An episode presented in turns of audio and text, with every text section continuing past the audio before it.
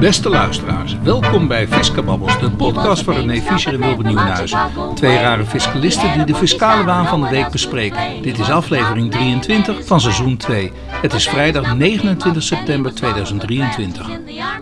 Ja, nou ja, goed, laat ik het zo zeggen. Ik had uh, gisteravond heb ik ook uh, de content van deze uh, podcast weer verstuurd. Ja. Toen viel me ook iets op. Oh, Weinig jurisprudentie.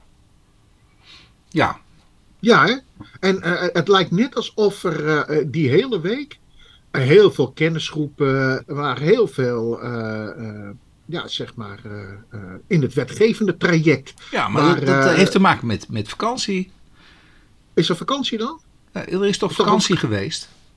Ja, geweest, ja, maar dat is nu toch al een keertje voorbij, of niet? Nee, maar, nee, nee, maar e- even, even, vakantie, welke vakantie? Wa- Wanneer heb je zitting? Ja. Maar die meervoudige belastingkamers, die, die hebben natuurlijk ook vakantieperiodes. Ja, tuurlijk. En, en dan Maar de- wordt het gewoon even wat rustiger. Dan wordt het wat lastiger in te plannen. En dan zie je dus inderdaad dat het even wat minder wordt tijdens de Ja, vakantieperiode. nou ja, goed. De- ja, nou ja, dit is al na de vakantieperiode. Ja, maar dat, dat is juist omdat tijdens de vakantieperiode zijn er geen uitspraken gedaan. Ja, nou ja. ja, dat is waar. Maar goed, we zijn er weer. Dus we, we hebben ook wel weer wat, eh, wat, eh, wat te reutelen. Ja, we kregen dus een, een luisteraarsvraag binnen via de e-mail. En eh, van Stefan. En Stefan die zegt, hoi, goedemiddag. Hij stuurt hem afgelopen dinsdag. Allereerst leuke podcast. Ik mag graag luisteren. Nou, dat horen we natuurlijk graag, toch? Hey? In de uitzending van 22 september eh, 2023, afgelopen vrijdag, gaat het over de turboliquidatie. Ja. En jullie hebben het erover dat BV zonder activa, maar met schulden worden geliquideerd. En ik leef in de veronderstelling dat een turboliquidatie alleen mogelijk is indien de, balan- eh, indien de balans leeg is. Eh, Hij schrijft lees, leeg is. Geen baten aanwezig, geen activa, maar ook geen passiva. Indien je een BV liquideert met schulden, kom je dan niet automatisch in een faillissement? Vraagteken. Groet, Stefan. Nou, René, maar volgens mij eh, eh, Nou, kun, je ook, Moet, ja, kun je ook... Ja, maar faillissement moet worden aangevraagd. precies. Bij, precies. bij, bij een rechtbank. En, en ja, volgens en dan mij... moet je twee schuldeisers hebben. Je moet minimaal twee schuldeisers hebben. Dus dan, soms, soms is er ook maar één en dan kan het eigenlijk ja. niet. Dan moet je een, hoe, hoe, hoe noemen ze dat ook weer? Een steunvordering moeten worden bij, bij ge- gezet. Ja, en het kan best zo zijn dat hier wel meerdere schuldvorderingen zijn. Dus meerdere schuldeisers, maar die hebben zich niet gemeld. Eh, Nou, maar ook als ze zich melden. Kijk, ook, ook zo'n schuldeiser moet zich afvragen. Wat heeft het voor zin als de balans leeg is? Dus geen activa. Wat het zin heeft om een faillissement aan te vragen. Ja. Want namelijk, eh, dat traject dat gaat dan via, eh, eh, de, via een curator. En dan heeft het toch geen zin. Want namelijk je geld krijg je toch niet Nee. terug. Of je moet sprake zijn van bestuurdersaansprakelijkheid. Maar dan ligt het meer in de aansprakelijkheidssfeer. Ja. Als, als een vennootschap geen enkel activa heeft, dan, ja, dan is het voor zo'n eh, schuldeiser, eh, eh, ja, wat moet ik ermee? Ja. Wat nu die wetswijziging in voorziet, is dus met zo'n turboliquidatie dat de schuldeisers op de hoogte worden gesteld. Dus de turboliquidatie is wel de, terdege mogelijk als je schulden hebt. Ja. Het voordeel daarvan is dat je dus eigenlijk de route langs een curator, dus eh, de faillissementswet, eigenlijk omzeilt. Je zegt eigenlijk van, nou ja, er is toch geen baten, er is helemaal niks te halen.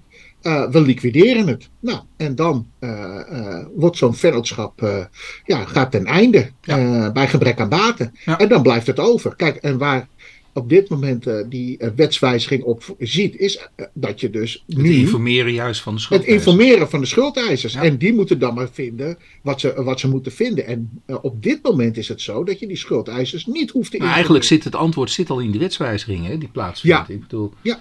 Ja. omdat dat Ja. een, nou ja, onvolkomenheidje is natuurlijk. Dan Ja, weet maar niemand het- dat er opeens iets wat Maar geliquideerd het komt is. voor veel mensen, eh, als je dit vertelt, komt dat als onrechtvaardig over. Want er wordt dan gezegd van ja, maar je kan toch niet zomaar eh, eh, iets liquideren met, als er schulden in zitten. Ja, dat kan dus wel. Dat, daar voorziet dus deze wet in. Ja. En dat geldt ook voor belastingsschulden namelijk. Ja. Dus, dus als je alleen maar belastingsschulden hebt. Maar kijk, hoe zien de meeste DGA vennootschappen eruit? Dat is dat er nog een vordering op de DGA in zit. Ja, Mhm. dan kan je hem niet kwijt. Dat- dat- dat- ja, daar- die vordering moet eerst worden geïnd. Hm. Ja, en dan kan je niet uh, turbo liquideren. Maar als dus ook uh, uh, de DGA een vordering op de BV zou hebben, dus niet andersom, hè, BV, ja, dan bestaat de vennootschap alleen maar uit schulden en niet meer uit activa. Nou ja, goed, en dan voorziet een, een turbo liquidatie daarin. Ja. Nou, dus, ik, ik, maar erg leuk. Ja, leuk, leuk, leuk deze vraag. Leuk. Ja. Echt heel leuk. Ja. En ook dat er ook uh, uh, actief wordt geanticipeerd op, uh, op, op, wat er speelt. Daarom. Daarom. Ja. Ik bedoel, dit was inderdaad de vorige uitzending. Dat, ja, dit, stimuleert ook, mensen natuurlijk om die vorige uitzending natuurlijk even natuurlijk, naar, voren te halen. Ja, naar voren te halen. Ja, dus nog eventjes dan terug op niveau. Ja. Uh, wat ik wilde zeggen is, uh, we hebben intussen hebben een WO-verzoek ingediend. Voor, uh, en dat heeft betrekking op het parkeerbeleid van de gemeente Horen. Kort en goed komt het erop neer. In 2016 is er een arrest gewezen. Waarin wordt gezegd van, joh, als je een onjuist kenteken invult, heeft is niet relevant. Mits je maar de parkeerbelasting hebt afgedragen. Dat is het enige relevante. Dat, in het kort, hè. Ja. Goed, dus wat gebeurt er op enig moment? In de gemeente Horen hebben we van die scanauto's. En dat komt vaak voor dat je je kenteken onjuist invult. Nou, uh, uh, uh, je hebt daar, vorige week heb je daar ook aandacht aan besteed. Dat je met dikke vingers en zo. Het gebeurt heel snel. Hè? Ja. maar ook, nou ja, weet je, met zo'n app. En dan heb je twee auto's. En dan druk je de verkeerde in. En dan heb je wel je parkeerbelasting afgedragen. Maar ja. En voor wat betreft dat kentekenbeleid, ja, daarvoor ziet geen, de gemeentewet niet in. de gemeentewet zou daarin moeten voorzien dat je dus een koppeling hebt met kentekens en, en een naheffing parkeerbelasting. Maar dat, kan dus niet. En dat zegt ook de Hoge Raad. Joh, dat kan niet. Nou, goed. Dus ik heb gevraagd voor de WO van hoe ziet nou dat parkeerbeleid eruit? Uh, dus uh, hoe, voor, hoe, gaat die informatievoorziening? Op welk, op welk tijdstip is dat arrest uit 2016 nu uh, onder de aandacht van de, van de gemeenteraad, van de fiscale afdeling van de gemeente Horen, van het college? Nou goed, noem, noem de organen van een gemeente maar op. Wanneer is dat ter beschikking gekomen en wat is daarmee gebeurd? Goed, dus ik dat verzoek ingediend. Binnen een week ontvangstbevestiging. Met, ja. met allerlei vragen. Ja. En vervolgens ook nog een mail. Binnen een uur op die vrijdag, Wilbert, mm -hmm. ben ik gebeld door Danny de Jong. Ja. WO-coördinator. Ja, daar kwam ook de e-mail vandaan, toch? Ja, daar kwam ook de e-mail vandaan. Ja. Danny de Jong, woordvoerder. Ja. Of in ieder geval WO-coördinator. Ja. Nou, en die probeerde toch te vragen van, ja, maar wat wilt u nu hebben? En, en, ik zeg, joh, dat staat in het verzoek. Ja, dus, ja. ja ik weet maar niet wat jullie hebben, maar... Uh... Ja, ja, maar toen heb ik toch maar even uit de doeken gedaan wat ik ja. zou willen hebben. Ja. En ook de achtergrond daarvan, want ik ja. zeg, dat hoef ik helemaal niet te vergeven. Maar ik, ik geef het je toch maar, want misschien helpt dat, het, uh, vergemakkelijkt dat, het zoeken naar, uh, naar, dat, uh, naar de stukken. Kijk, en het kan ook zo zijn dat u niks heeft, hè? dat moet u ook rekening mee houden. Nou, en als het niks is, dan wil ik dat ook bevestigd zien. Ja. Maar dat houdt wel iets in. Ja. Oh, wat houdt dat in dan? Wat houdt het in? Trouwens, een alleraardigste uh, man hoor. Ja, ja, dus, uh, dus wat dat er gaat, uh, geen kwaad woord. Maar wat houdt dat dan in? Nou, ik zeg, nou, als u niks heeft gedaan als bestuursorgaan met dat arrest. Nou, misschien is het dan toch wel dat u zeer onrechtmatig heeft gehandeld. En dat de rechter dan uiteindelijk in de kostenvergoeding een ander standpunt inneemt. dan volgens een, een, bezwaar, een kostenvergoeding toekent. op basis van de forfaitaire regeling. Ja. Want namelijk dan heeft u sinds 2016. en ik kijk nu naar mijn rechteronderhoek. en ik zie dus de datum daar staan tot 2023 heeft u niets gedaan. Ja. Dat kan natuurlijk ook, hè? Ja. Maar ze, hij zegt dus dat hij Ja. dus uh, sinds 2 mei 2022, volgens Mhm. mij was dat ook de invoering van de WO, uh, heeft hij al 64 WO-verzoeken ingediend, eh, eh, eh, gehad. of Eh, althans in de moeten 60. behandelen. Ja. Ja, moeten behandelen, ja. Mm. Dus, uh, nou ja, goed, dat, dat vind ik toch wel aanzienlijk. Nee, Oh. ik vind het toch wel aanzienlijk. Ik, wil voor, voor een gemeente horen. Ik vind. eh, ja. Ja, het is wel een grote stad. Of in ieder geval, Ja. het is een stad. Dus, uh, dus ja. Ja. Dus ja, zo krijg je. Maar wat dat dan gaat, uh, ook heel veel herkenning met de gemeente Zaanstad. Hè? Ja. Dus, dus ook dat parkeerbeleid. Alleen wij waren er veel sneller bij in de Ja. gemeente uh, uh, Zaanstad. Ja. Maar ik, maar ik, ja, ik zei ook. Ja, maar als het zo is dat u ook eh, de stelling inneemt van de gemeente Zaanstad, dat u dat moet uh, gaan vergoeden op een gegeven moment, vanwege het knijp- en piepsysteem, nou, dan gaat het niet meer over een ton, denk ik. Nee. Ja. Maar het is bijna 30%, dus 28%, die maakt bezwaren. Nou ja, goed, dus tot zover. We houden u op de hoogte, luisteraars. Zeker. En dan, en dan, maar ook als er gemeentes zijn die dit ook speelt. Ik, u moet toch even de jurisprudentie erbij pakken. Hè? Want ik kan me niet voorstellen dat de gemeente Zaanstad... Dat alleen de, gemeentes waar wij langskomen, dat daar ja, ellende is. Ja, ja, jij hebt het ook nog eens een keer over Hilversum gehad. Ja, hè, ja. Dat kun je ook nog wel eens... Uh, in verband met uh, rugby, school. Uh, ja, je, nou, je gaat pas wat, wat, wat doen natuurlijk als je er een keertje komt. En dan ga je erin verdiepen. Maar ja, ja als je ermee wordt geconfronteerd, dat ja, is eigenlijk. Ja, ja, als je er komt en dus ermee wordt geconfronteerd. En dan denk je, ja, nou, hier is het dus ook weer inderdaad niet goed. En je, ja, je zou dan het land door kunnen gaan. Maar ja, kijk, wij, wij zitten natuurlijk, we, we hebben onze roots natuurlijk in, in, in, in Zaanstad. In, in, nou ja, in Almere heb ik bijna nooit een bekeuring. Dus ja, ik weet, hoe, ja hoe kan dat eigenlijk? Waarom, waarom heb ik in, in Almere bijna nooit een bekeuring? Omdat ze geen parkeerbeleid hebben, misschien. Kom graag naar Almere. Wij, wij, wij bieden nee. onderdak voor alle auto's. Ja. Ja, kijk, ja. het zal misschien met de stad te maken hebben dat je het eigenlijk logisch vindt om ook, ook. En er zijn natuurlijk veel meer parkeergarages in Almere. Dus, dus je maakt ook veel, veel sneller gebruik van een parkeergarage. Denk ik. Ja, Dus dan heb je dat Dus daar heb je veel meer parkeergarages. Uh, ja. Bij, ja. En dan heb ik nog één dingetje, Wilbert. Ja. Dat was uh, de WO. Uh, gemeente Opmeer. We hadden, maandag hadden we hoorzitting. Oh. Dus we waren voorbereid. Oh ja, dus dat was in het kader van een genomen deelbesluit van de uh, gemeente uh, Opmeer. Uh, zeg maar om half tien, s'avonds, een dag van tevoren. Dinsdag, nee, dinsdag hadden we de WO-hoorzitting. Maandagavond om half tien ontving de WO-indiener een, tweede deel en laatste deelbesluit van het verzoek half tien, hè, s'avonds voordat uh, de oh, hoorzitting plaatsvindt. Ja, lekker hè, is dat. Ja. Maar goed, dus uh, wij naar die hoorzitting en nou ja, wij doen ons praatje. Maar weet je wie er niet kwam opdagen? De gemeenteambtenaar. Ja. Nou. De gemeente werd niet vertegenwoordigd. Nou, de, lekker dan. Dat is toch ook, ja, de, voor de commissie bezwaarschriften die zelf door de gemeente ja. ook meer in het leven is geroepen. Ja, ja, ja, dat is de eigen nou, bezwaarcommissie. is dit, joh? Je hebt toch ook uh, uh, de commissie tenminste informeren ja, van je afwezigheid. Ja, maar oké, okay, dus ze had ook niet eens ging, geïnformeerd. Nee, nu ging de, uh, de secretaris van de commissie van bezwaarschriften, die ging door het pand lopen. lopen. Om, om, om ja. te kijken of je er kon vinden. Of, of er nog iemand, of er iemand aanwezig was, de zitting te doen. Ja. en vervolgens ook de data die wordt verstrekt half, uh, ja, half verstrekken. De woonindiener heeft vervolgens een mailtje gezien. En dat was wel opmerkelijk, waarin een verwijzing stond naar het provinciaal bestuur. Hmm. Dus de ARO of iets dergelijks, zoiets heet dat. Daar heeft hij op gegoogeld, gegoogeld. En vervolgens blijkt dus dat daar dus stukken van zijn over op welke wijze uh, de gemeente op meer ziet uh, hoe uh, dat plan moet worden ingericht met ontsluitingswegen enzovoort enzovoort. Die worden toch even afgeschoten, joh, de uh, gemeente Opmeer. In die stukken? Echt, in die stukken. Zo. Ja, we zijn bijzonder kritisch. Uh, ja, ja, wel dank dat u dat van tevoren aangeeft, maar we zijn bijzonder kritisch. En eigenlijk wordt alles afgeschoten. Ook voor wat betreft rondweg, ontsluitingswegen. Maar goed, wat wij eigenlijk ook al hebben gezegd. Maar nu komt het, Wilbert. Mm -hmm.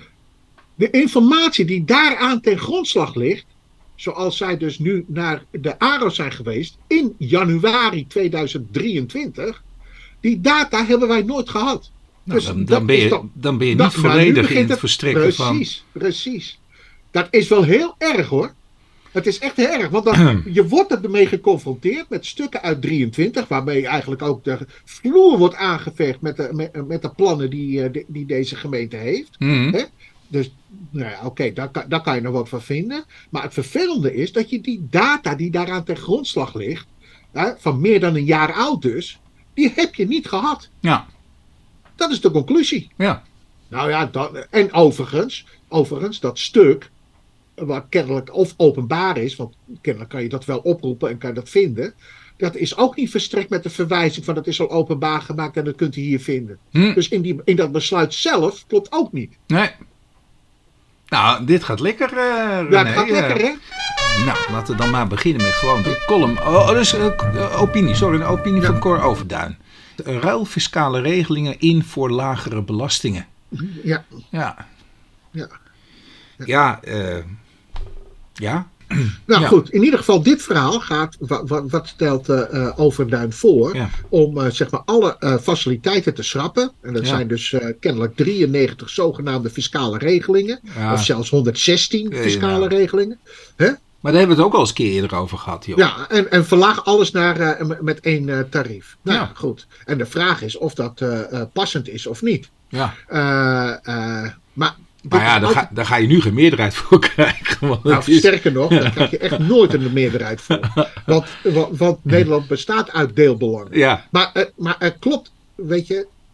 Maar dan moet je eigenlijk alles op één hoop Ja, nee, je Ook moet die echt- toeslagen eraf. ja, eraf. ja, ja, je moet heel grof moet je, eh, moet je En ik, tekeer ik gaan. vraag En, me af of, of dit helpt. Hè? Dus die 37% naar 30%. Nou, klopt. Of dat wel eh, bijvoorbeeld de mensen die dus in het lagere inkomenscategorie zitten. Of die dan op voldoende wijze worden gecompenseerd. en dat gaat En dus ik nooit dat dat geaccepteerd worden. Klopt. Nee. Ja. Kijk, en, eh, kijk, en wat, wat eh, eh, in de politiek ook naar voren komt, dat is dat verschil van 39.000 naar eh, 49.000. Dus dat is 10.000 inkomen, dat je daar dus netto 900 euro aan overhoudt, hè, als je alles bij elkaar neemt. Ja, dat is natuurlijk absurd, Wilbert. Ja. In wat voor situatie zijn we dan beland? Ja. Dat klopt toch ook niet meer? Nee, dat klopt helemaal niet. Hey, de volgende, eentje uit het Financieel Dagblad. Regenaanmaningen is voorbode van faillissementsgolf. Ja, dit is ook weer eh, de self-fulfilling prophecy. Hè? De aanmaningen moeten nog verstuurd worden. Mhm. Maar men gaat er al van uit dat, er, eh, dat er een grote faillissementsgolf eh, eh, komt. Nou, ik moet eerlijk zeggen, ik denk het ook wel. Ja, niet- ik ook. Dat denk ik wel. Maar dat hadden we ook alweer voorspeld. Ja, dat hadden we ook alweer voorspeld. En dat hadden we al voorspeld ten tijde, zoals wij de, eh, zoals wij de podcast zijn begonnen. Ja. Hè? Een beetje in coronatijd, hè, Ja. zeg maar. Dat die ondernemers die kunnen dat nooit meer terug gaan betalen. Nee, die kunnen het dan echt niet meer terugbetalen. Dat, is, dat levert zo'n beslag op en zo'n liquiditeitsbeslag.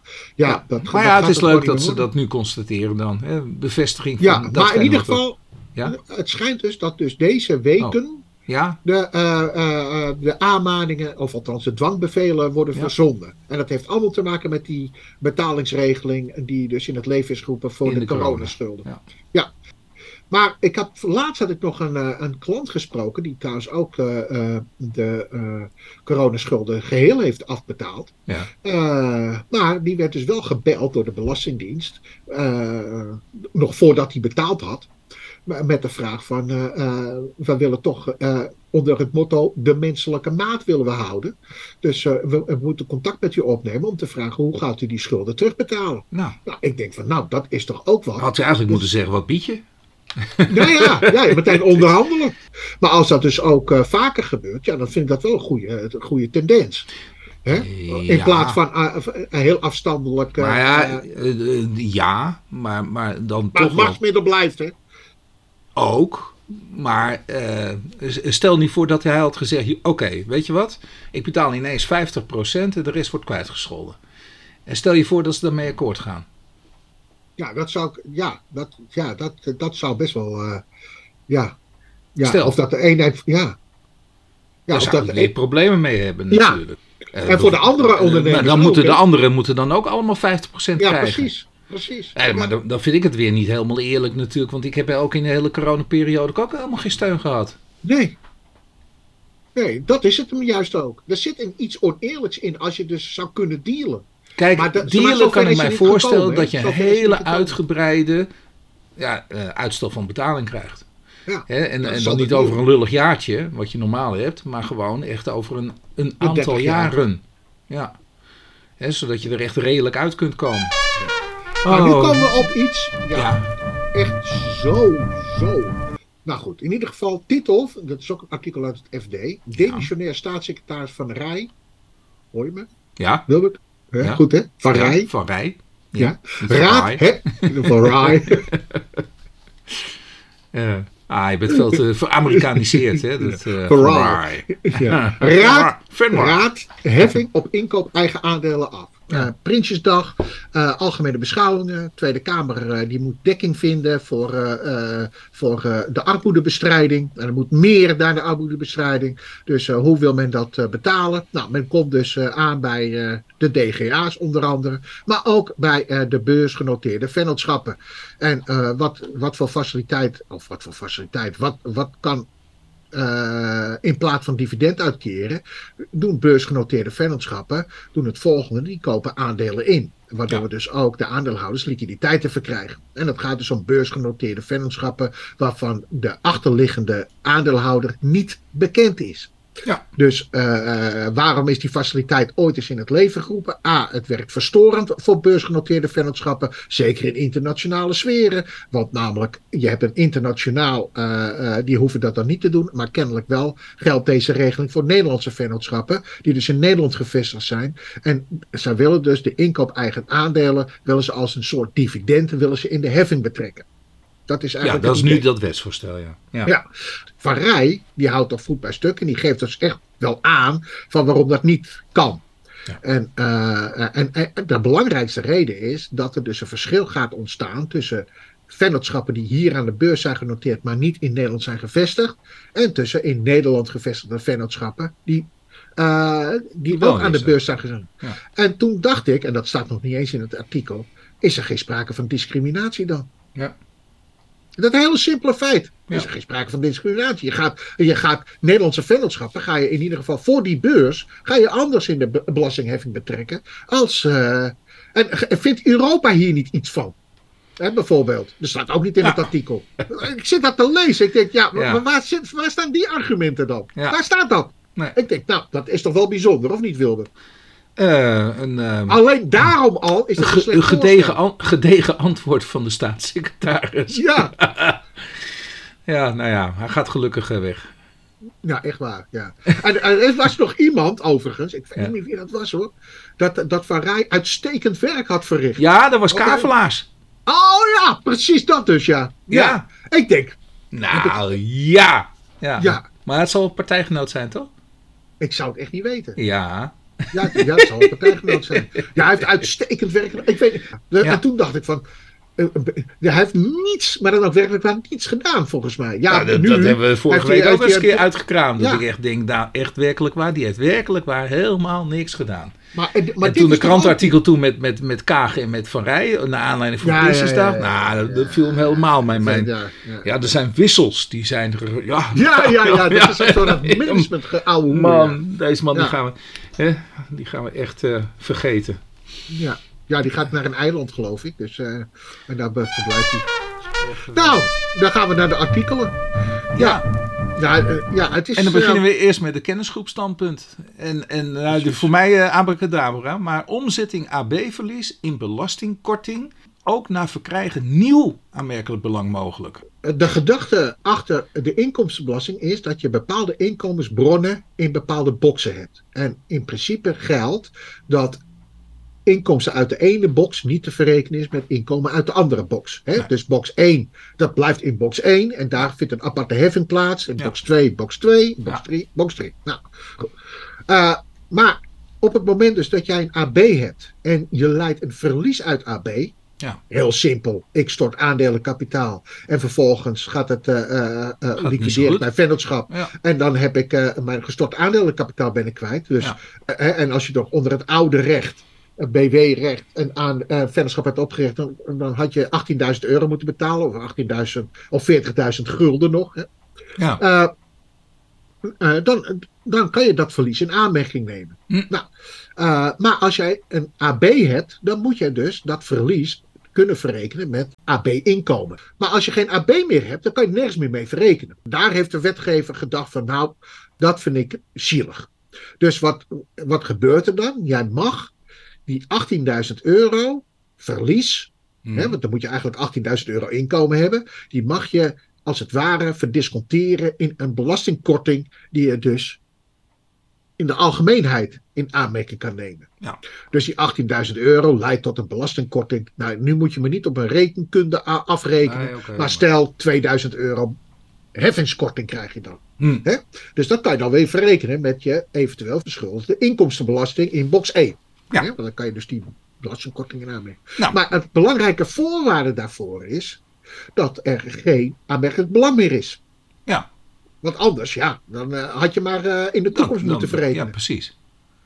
En daar gaat deze vraagstelling over. Ja, dit, dit begreep ik al helemaal niet, dus dit mag je mij helemaal gaan uitleggen nou. Want Belastingdienst niet, nog niet AVG compliant, dus voldoet nog niet aan de AVG-normen, op het punt van de inzage verzoeken. Ja, dus je, je mag voor je eigen dossier, dat is zeker ook het geval voor die, eh, en dat denk ik dan. ja, daar gaat het ook over, hè? over de, natuurlijk de mensen die op de lijst hebben gestaan. Ja. Hè? Dat, eh, Ja, precies. de de precies. fraudesignaleringsvoorziening, de FSV-lijst. Ja, die op die lijst hebben gestaan om, eh, eh, om vragen te hebben over eh, jouw eigen dossier. Wat staat erin vermeld over eh, die eh, FSV-lijst? En waarom sta ik op die FSV-lijst? Dat zijn die inzageverzoeken. Mhm. Dan dien je dus, Dus een verzoek in, hè? Daar dien je een verzoek in bij, eh, een, eh, eh, Bij de Belastingdienst? Bij, bij de Belastingdienst. En dan heb je een of andere afdeling. Centrale directie. Ja, precies. Nou ja, goed. Eh, en dan dien je dat in. Maar kennelijk is het dus zo dat de Belastingdienst dat soort verzoeken niet tijdig afwikkelt. Nee, normaal moeten ze Eh, binnen een maand. En eh, nou, eh, dan mag je eh, nog een eh, uitstel met twee ja, maanden. En, eh, drie maanden dus max, ma- max, max. En dat, Precies. in een En groot deel van de gevallen haalt men dat niet. Nee, verre van zelfs. Ja, want dat, eh, 80% geloof ik, eh, riep, Ja. eh, hoorde, zag ik ergens. Ja, ja, ja, Ja, dat eind, eind augustus viel 80% buiten de wettelijke termijn. Ja, dus eigenlijk eh, voldoet, de- voldoet de overheid aan, aan- niet aan de gestelde termijnen. Nee, maar nog, nog even terug. Hè. Wat houdt het nou in? Eh, je, je vraagt een inzageverzoek, eh, persoonsgegevens.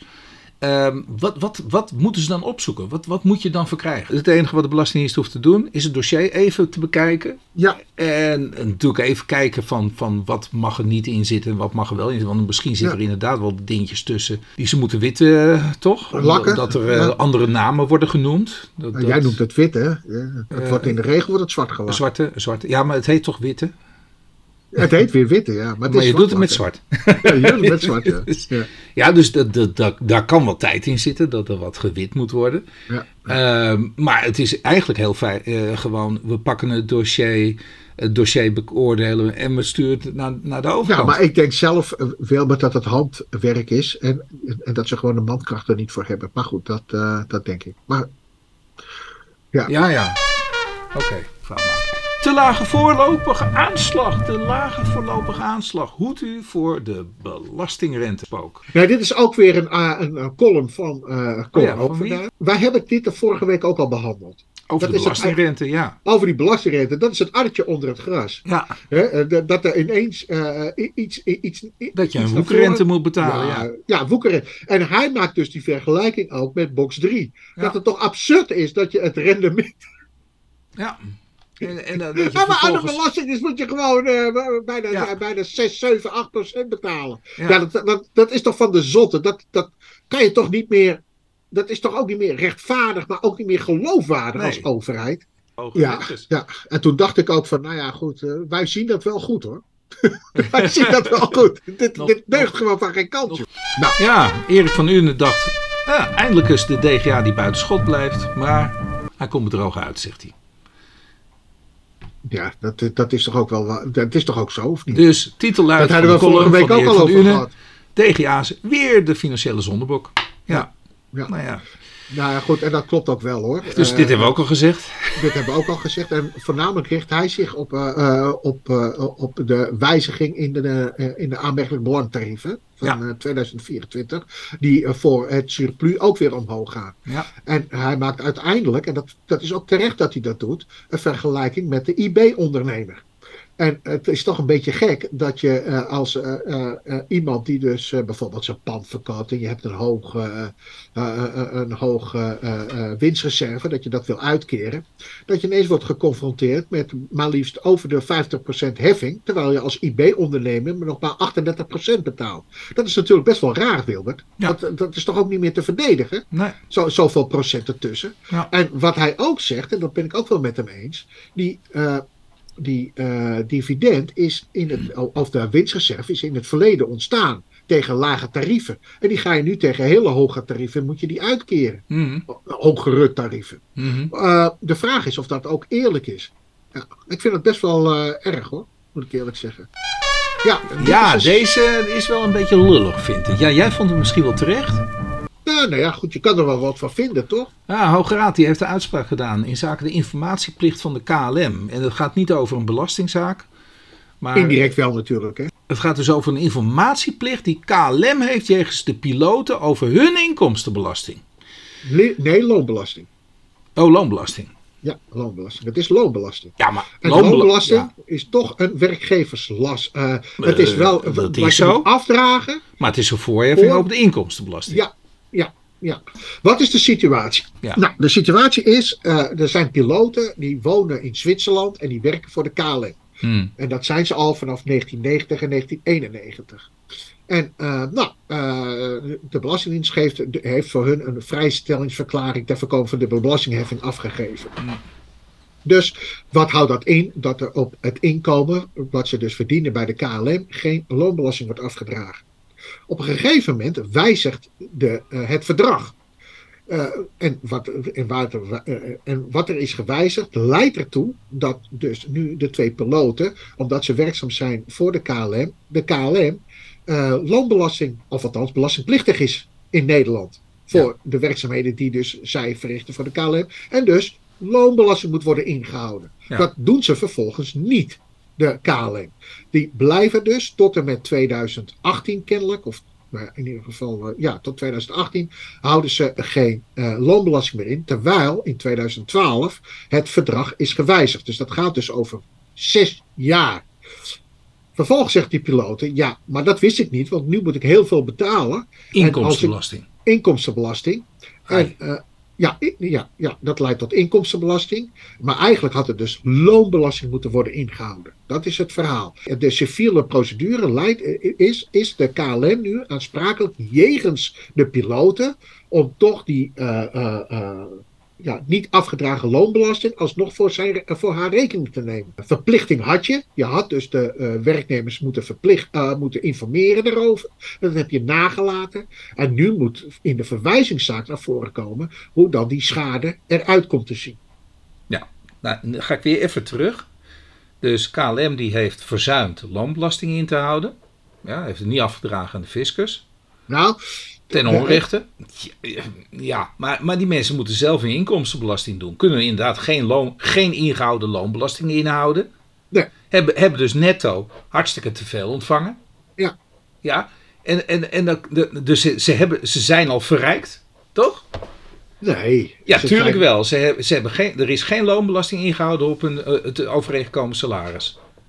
Dus ze Nee, hebben het netto klopt. bedrag Ze uitgegeven. hebben net al, ja, En, en dan krijgen ze ook nog eens een keertje, krijgen ze dus datgene waarmee ze al verrijkt waren, krijgen ze ook nog eens een keer nu, nu de boete opgelegd van, van dat, dat kan toch niet? ja, het komt, eh, ja, nou ja, goed. In ieder Nou, geval, ik, vind dat, eh, ik vind het hartstikke onredelijk hoor, maar oké. eh, Nou, de vraag is, ja, kijk, dat zegt nog niks over de schade, hè, dit. ehm, maar wat is dan de, de schade? Dat zij die Ja, dat- moeten gaan betalen. Ik hoop Dat, toch van dat niet. weet ik niet. Dat, dat, ja, ja, Want, ja, eh, dat kan ook zo dat zijn. Hof Den Haag dan naartoe Ja. gaat, want eh, dat risico zit er nog in. Van ja, dan moeten jullie, maar dat is... Ja, Nou Ik, ben even, eh, ik ben even kwijt wat, eh, wat we moesten even de nummers en dergelijke opnoemen. Oh, Maar moesten we, die- moesten we die ook noemen? Zaaknummer, eh, het is van 22 september 2023 en het is zaaknummer 22 slash rap 03169. Ik herhaal 03169. Het is van 22 september, vrij recent. Ja. Dus en het is, Ja, het is civiele van de civiele kamer, hè? dus eh, Civiele het is niet een eh, fiscale zaak. Ja. Nee, nee. ja, goed. Dan gaan we naar deze. Verlenging redelijke termijn door vertraging als gevolg van weigering gemachtigde. Ja, dat is sowieso al leuk. Dat het Hof die heeft blijkbaar een, een, een rechtsstand, een rechtsbijstand verlenen van X geweigerd als gemachtigde. Dat is sowieso al een eh, Dus ja, ja, unicum natuurlijk toch. Ik bedoel, zo vaak gebeurde het natuurlijk ook niet. Nee. En vervolgens heeft die meneer X, nou ja, die, eh, ja, toen moest de zaak aangehouden worden. Ja, hebben ze hem de gelegenheid gesteld om een nieuwe gemachtigde aan, te stellen. En eh, vervolgens duurt dat heel erg lang. En we zitten ook nog eens een keer in de coronaperiode. Er moet een nieuwe zitting worden gepland. En dan zeggen ze in het kader van een eh, eh, immateriële schadevergoeding, toch? Zeggen ze van ja, eh, eh, nu, nu, nu duurt het wel heel erg lang. Nu ben ik ook nog immaterieel geschaad. ja, ja. Zegt meneer Maar niet X. voor het bedrag, Wilbert. Ja, nee, nee even, Nou, dat even komt dat, dat saillante detail, dat allerlaatste detail, wat wel ook van belang is voor deze eh, zaak, is dat eh, die meneer X, hè, die, eh, nou ja, die zei, ja, nou heeft dat heel erg lang geduurd, maar dat komt deels door hem zelf natuurlijk, want hij heeft er lang over gedaan om een nieuwe gemachtigde te, te kunnen vinden. En, en ja, het is niet uh, uh, verwijtbaar aan, aan de rechterlijke macht natuurlijk dat het zo lang heeft moeten duren. Uh, maar oké, okay, oké, okay, oké, okay, dat is nog niet eens het doorslaggevende. Het meest doorslaggevende is denk ik ook, waar gaat het over? Ja, waar gaat het? Het gaat over een belang van, schrik niet, 2 euro. Waarvoor een rechtszaak wordt gevoerd. Waarvoor ja, helemaal tot aan de Hoge Raad euro. is geprocedeerd. Ja, Dit heeft dacht ik ook, uh, zoveel geld gekost van de rechterlijke macht. Van, ja, van energie en tijd. Ja. Energie en tijd. Uh, ja, dat mag natuurlijk niet uitmaken. Nee, het en mag dan, niet uitmaken, maar... Maar ja, dan zegt het Hof, uh, en, en dat vindt de Hoge Raad terecht. Nee, de Hoge Raad terecht. Hey, dit gaan we niet meetellen bij een immateriële schadevergoeding. Nee. En daarmee cassatie afgelopen. Ja. Maar er zit zoveel tijd in en zoveel kost om deze uitspraak ja, te en doen. ook frustratie, hè? Dus ook uh, kennelijk bij die meneer X. Ja, joh, die, die, uh, nou ja, goed. En, en, en, en, ja, het begin, ja, maar, ja. Hij is heel Maar met verbazing, hè? Maar ja, er is dus ook een rechtsbijstandsverlener die geweigerd is in deze zaak. Dus dat is Ja. al heel wat natuurlijk. En dan, dan zal meneer Maar X niet heel veel beter daarvoor zijn geweest. doen?